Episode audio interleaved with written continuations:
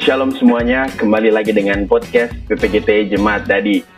Nah, pada podcast kali ini kita akan membahas tema yang lagi hit, yaitu New Normal. Bersama Ben Joshua. Eh, bukan, Ben Asel Salu. Halo Kak Ben. Ya, halo Kakak Ivan. Ya, ini bagusnya saya panggil apa ini? Ben saja atau Kak Ben atau Blue Ben? Ya, Kak Aselmu. Oh, Kak Asel. Pada saat ini kita akan membahas tentang new normal. Kita sharing-sharing santai saja ya, Kak. Ya, kita akan membahas tentang new normal.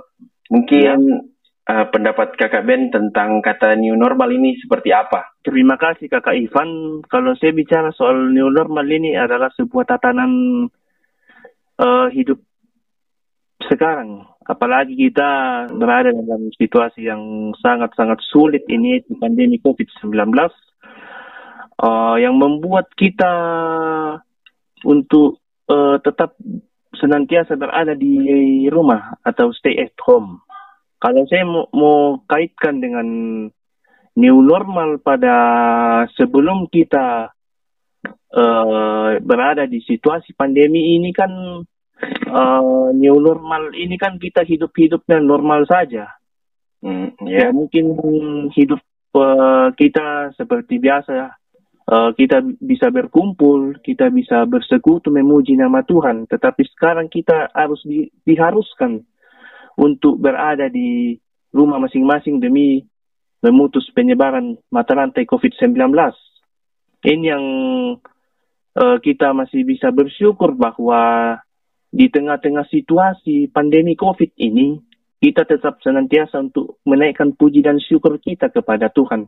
Karena kita percaya bahwa Tuhan yang akan menuntun, Tuhan yang akan uh, memberkati, bahkan Tuhan pula yang akan menjauhkan kita dari segala mara bahaya termasuk pandemi pada yang kita hadapi pada sekarang ini. Kalau saya mau bicara soal new normal, new normal ini kan uh, di, sudah digaungkan oleh pemerintah pada akhir Mei lalu. Uh, ini hmm. digaungkan pada saat uh, sebelum tanggal 29 karena sesuai dengan situasi tanggap darurat pemerintah uh, melalui pemerintah itu uh, tanggal 29 Mei tapi ini kan diperpanjang lagi entah entah kapan um, entah kapan diperpanjang lagi tapi nggak tahu tanggal berapa uh, akan berakhir. Ini yang kita dapat kita bersyukur bahwa uh, kita sudah melewati uh, kehidupan sosial dalam bingkai pandemi COVID-19. Tapi kita pada bulan-bulan 6, bulan 7, 8 seterusnya kita akan tetap untuk hidup normal. Artinya new normal ini akan berlaku. Ah, kalau kita melihat konteks dari new normal ini, kalau saya bicara soal uh, daerah Toraja ya, kalau puji ya, Tuhan betul. di Toraja sini maupun kasus positif itu ada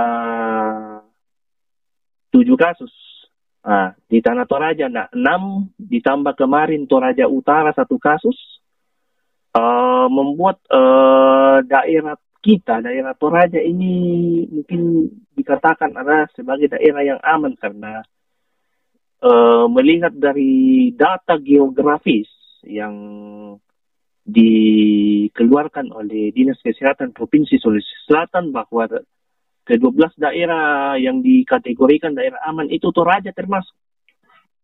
Dan uh, eh, BNPB merilis waktu tanggal 31 atau 30 kalau tidak salah, 30 Mei itu merilis 102 daerah zona hijau dan Toraja Utara hanya Toraja Utara satu-satunya daerah yang masuk di zona hijau yang dirilis oleh BNPB. Ini yang membuat kita bersyukur bahwa kami di kampung di sini, di Tanah Toraja dan Toraja Utara itu aman dari COVID. Tapi yang perlu kita harus waspadai ialah uh, kita bagaimana supaya uh, hidup kita supaya terhindar dari COVID. Ya, nah alasannya uh, ketika kita uh, apa namanya ini dari pandemi ini untuk bagaimana senantiasa itu menjalankan hidup new normal kembali, hidup new normal. Jadi new normal ini saya rasa adalah sudah cocok diterapkan di daerah kita daerah Toraja. Asalkan uh, perkembangan kasus COVID-19 ini atau COVID-19 um, itu tidak menular ke masyarakat-masyarakat lain dan puji Tuhan kita di Toraja di sini itu semuanya boleh ditangani dengan baik. Uh, ini semua karena berkat kerja keras uh, pemerintah daerah di dua kabupaten di Lili Nasang Torayan ini. Uh, Kabupaten Tanah Toraja dan Toraja Utara dan semua masyarakat itu di sini saya melihat, melihat uh, ketika saya uh, berkunjung baik ke Rantai Pau di daerah Makale bahkan mungkin saya bisa mengatakan seluruh Toraja ini uh, bisa dikatakan sebagai masyarakat yang taat dan patuh terhadap uh, apa uh, pemerintah terhadap anjuran pemerintah untuk senantiasa menggalakkan protokol kesehatan yang kita lakukan selama pandemi COVID-19 ini. Uh, menurut saya new normal ini seperti yang saya katakan tadi kakak Ivan uh, itu bisa kita laksanakan di Toraja dan sekedar informasi untuk teman-teman di podcast di podcast Dadi ini Toraja Utara akan membuk akan merevitalisasi rumah ibadah itu tanggal mulai tanggal 7 Juni. Oh iya. Jadi hari minggu depan ini uh, saudara-saudara kita yang ada di Toraja Utara itu sudah mulai beribadah, tetapi dengan memperhatikan uh, protokol kesehatan. Ya, betul sekali. Proto protokol kesehatan yang sudah kita lakukan selama pandemi COVID-19 ini. Dan minggu depannya lagi tanggal 14 itu uh, itu rencana pemerintah di Tanah Toraja akan merevitalisasi rumah ibadah semua rumah ibadah akan di, dibuka dan, dan dengan catatan bahwa uh, mengikuti protokol kesehatan yang sudah ditetapkan. Dan sekarang ini pasar ini sudah akan mulai dibuka, akan diperpanjang uh, operasionalnya. Mungkin dari jam 6 sampai jam 12 siang akan ditambah mungkin sampai sore. Jika uh, new normal ini akan diterapkan di sini. Kalau saya lihat di Makassar, ya mohon maaf saya akan, akan berbicara soal konteks di Makassar ini. Kalau teman-teman uh, podcast tadi yang berada di kota Makassar dan sekitarnya, uh, kalau teman-teman di Makassar mungkin saya rasa uh, mungkin belum saatnya karena masih penularan COVID ini masih ya mungkin saya mengikuti media-media yang berkembang itu media-media baik media cetak, elektronik maupun media online bahwa Makassar ini masih dikategorikan sebagai zona merah. Ini yang betul betul teman-teman hmm. di Makassar ini uh, saya sayangkan sekali. Uh, seharusnya ini sudah kuning, sudah dari kuning ke hijau, tetapi ini masih merah karena ya saya tidak tahu kondisi di Makassar mungkin kakak Ivan itu lebih tahu itu daripada saya karena saya sudah sudah mungkin hampir satu tahun sudah menetap di Toraja. Toraja, oh iya. Ya. New normal ini kan merupakan langkah percepatan penanganan COVID-19 di ya, berbagai betul. hal, entah itu kesehatan, sosial, dan ekonomi. Hmm. Namun menurut Dr. Panji Hadi Sumarto MPH, beliau merupakan uh, dosen Fakultas Kedokteran Unpad. New hmm. normal ini harus dilakukan apabila kurva atau garis trennya itu sudah mulai landai atau bahkan menurun Nah, jadi tidak bisa diterapkan di berbagai daerah. Mungkin benar yang seperti yang dikatakan oleh Kak Asel bahwa hmm. di Toraja dan Toraja Utara itu sudah bisa karena uh, masih dalam zona hijau atau bisa dikatakan aman karena jumlahnya masih sangat sedikit. Kita hmm. harus tetap memperhatikan protokol kesehatan seperti physical distancing atau cuci tangan, menggunakan masker dan yang lain-lain. Saya rasa itu merupakan himbauan-himbauan pemerintah. Nah, yang mungkin kita akan sharingkan lebih dalam bagaimana kita sebagai pemuda gereja, khususnya pemuda PPGT. Nah, new normal di dalam Alkitab itu juga ada ke Asel.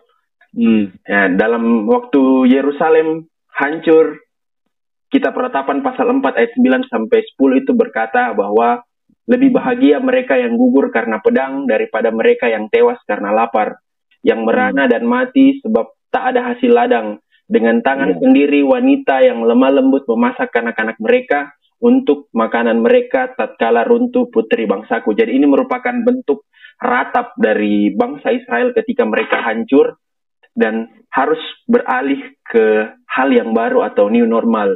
Kemudian pada ratapan pasal 3 ayat 21 sampai 24 tetapi hal-hal inilah yang kuperhatikan. Oleh sebab itu aku berharap tak berkesudahan kasih setia Tuhan, tak habis-habisnya rahmatnya selalu baru tiap pagi, besar kesetiaanmu, Tuhan adalah bagianku, kata jiwaku, oleh sebab itu aku berharap kepadanya. Jadi ada pengharapan yang mereka lakukan selain mereka uh, menyampaikan ratapan. Nah, new normal ini juga ada mungkin sejak awal ketika Adam dan Hawa keluar dari Taman Eden, mereka harus memulai lagi hal-hal yang baru di di bumi, di dunia yang penuh dosa. Kemudian Abraham yang keluar dari negerinya. Ternyata sudah banyak new normal yang telah Alkitab sampaikan dan mereka harus menyesuaikan hal-hal tersebut. Kemudian menurut Kak Ben ini, apakah new normal ini baik dilaksanakan atau justru uh, Kak Asel ini uh, dari pihak yang kontra begitu tentang new normal? Ya, terima kasih lagi Kak Ivan. Kalau saya melihat new normal ini baik dilakukan. Selama new normal ini uh, dilakukan demi kesehatan, demi kebaikan uh, masyarakat banyak, saya rasa new normal ini uh, bagus untuk dilakukan. Karena bagi saya new normal dalam Alkitab tadi itu sudah benar. Alkitab itu mencatat bahwa apa yang dicatat oleh Alkitab itu adalah benar adanya. Maupun kita tidak melihat se melihat secara langsung, tetapi dengan iman kita percaya bahwa melalui tulisan-tulisan yang ada di Alkitab itu adalah benar adanya. Saya percaya bahwa uh, apa yang dikatakan oleh Kakak Ivan tadi itu benar, benar banget itu. Karena uh, dalam Alkitab itu kan new normal itu sudah itu sudah ada dari Adam dan Hawa ketika Adam dan Hawa uh, keluar dari Taman Eden untuk kembali menata hidup baru di tempat yang lain. Abraham tadi keluar dari Mesir, bahkan tadi itu di Kakak katakan di ratapan tadi itu, itu semuanya adalah benar adanya. Dan saya rasa new normal itu bagus diterapkan dalam situasi pandemi COVID-19. Karena kenapa? New normal itu harus dilaksanakan untuk uh, menjaga, bukan hanya menjaga kesehatan kita, tetapi harus menjaga stabilitas ekonomi. intinya bahwa kita melaku, melakukan new normal itu sangat baik adalah kuncinya di sini adalah bagaimana supaya new normal ini kita laksanakan dan hmm. new normal ini bisa menjadi berkat bagi banyak orang, termasuk PPGT Jemaat Dadi yang mendengarkan podcast ini di mana-manapun teman-teman mendengarkan. Itu. Jadi new normal ini seperti kita keluar dari zona yang nyaman kita lakukan selama ini. Betul. New, new normal ini situasi yang hmm. tidak normal, tapi kita harus hadapi secara normal. Tentu ini ya. mungkin berat bagi kita semua, namun kita harus senantiasa berpengharapan dalam Tuhan. Iya. Nah, dengan adanya pandemi ini, saya berharap kita memiliki banyak waktu lagi bersekutu dengan Tuhan. Entah itu caranya hmm. secara konvensional atau bisa kita melalui online. Yang penting hmm. uh, iman kita sebagai pemuda gereja, khususnya gereja Toraja itu tidak um, bahkan hilang begitu. Jangan sampai seperti itu. Mari kita berdamai dengan keadaan seperti ini. Mungkin itu saja dari kami untuk sharing-sharingnya pada malam hari ini, Kak Asel. Mungkin kita menutup dengan doa mungkin. Oh bisa bisa. Bisa mungkin Kak Ben yang pimpin. Ya nanti saya yang pimpin. Ya teman-teman pendengar podcast Dadi, di mana pun teman-teman berada, sebelum kita menutup uh, seluruh rangkaian uh, acara kita pada malam hari ini kita mari kita berdoa. Di malam hari ini Tuhan kami menaikkan puji dan syukur hanya kepadamu. Kami percaya dan kami amini bahwa Engkau terus bersama-sama dengan kami. Meskipun hidup dan kehidupan kami berada di situasi yang sangat sulit dan sangat-sangat berat oleh karena pandemi virus COVID-19 atau COVID-19 yang sementara kami berjuang untuk melenyapkan dari muka bumi ini. Kami percaya ya Tuhan bahwa Engkau terus bersama-sama menggandeng tangan kami, memberikan kami hikmat untuk melenyapkan virus corona ini suatu saat kelak jikalau Tuhan berkehendak. Kami berterima kasih untuk podcast yang dilaksanakan pada malam hari ini. Berkati saudara kami kakak Ivan yang memandu acara, berkati hambamu yang menjadi narasumber pada malam hari ini. Berkati kami di dalam kehidupan kami, masa muda, masa pendidikan, bahkan dalam kehidupan yang kami jalani. Biarlah kehidupan kami senantiasa berkenan kepadamu.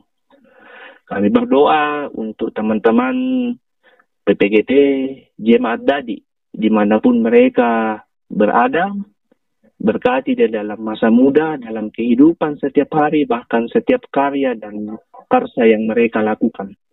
Biarlah semuanya itu menjadi hormat dan kemuliaan bagi Tuhan. Kami mendoakan untuk pemerintah kami yang senantiasa berjuang di garis terdepan, khususnya para tenaga medis yang senantiasa engkau memperlengkapi mereka dengan hikmatmu. Engkau memperlengkapi mereka dengan kecerdasan sehingga melalui talenta-talenta mereka virus COVID-19 ini boleh berlalu dan kami layak menaikkan syukur kepada Tuhan. Ya Bapa kami di dalam surga, kami menutup seluruh rangkaian podcast ini di dalam nama Yesus Kristus. Itulah Tuhan dan Juru Selamat kami.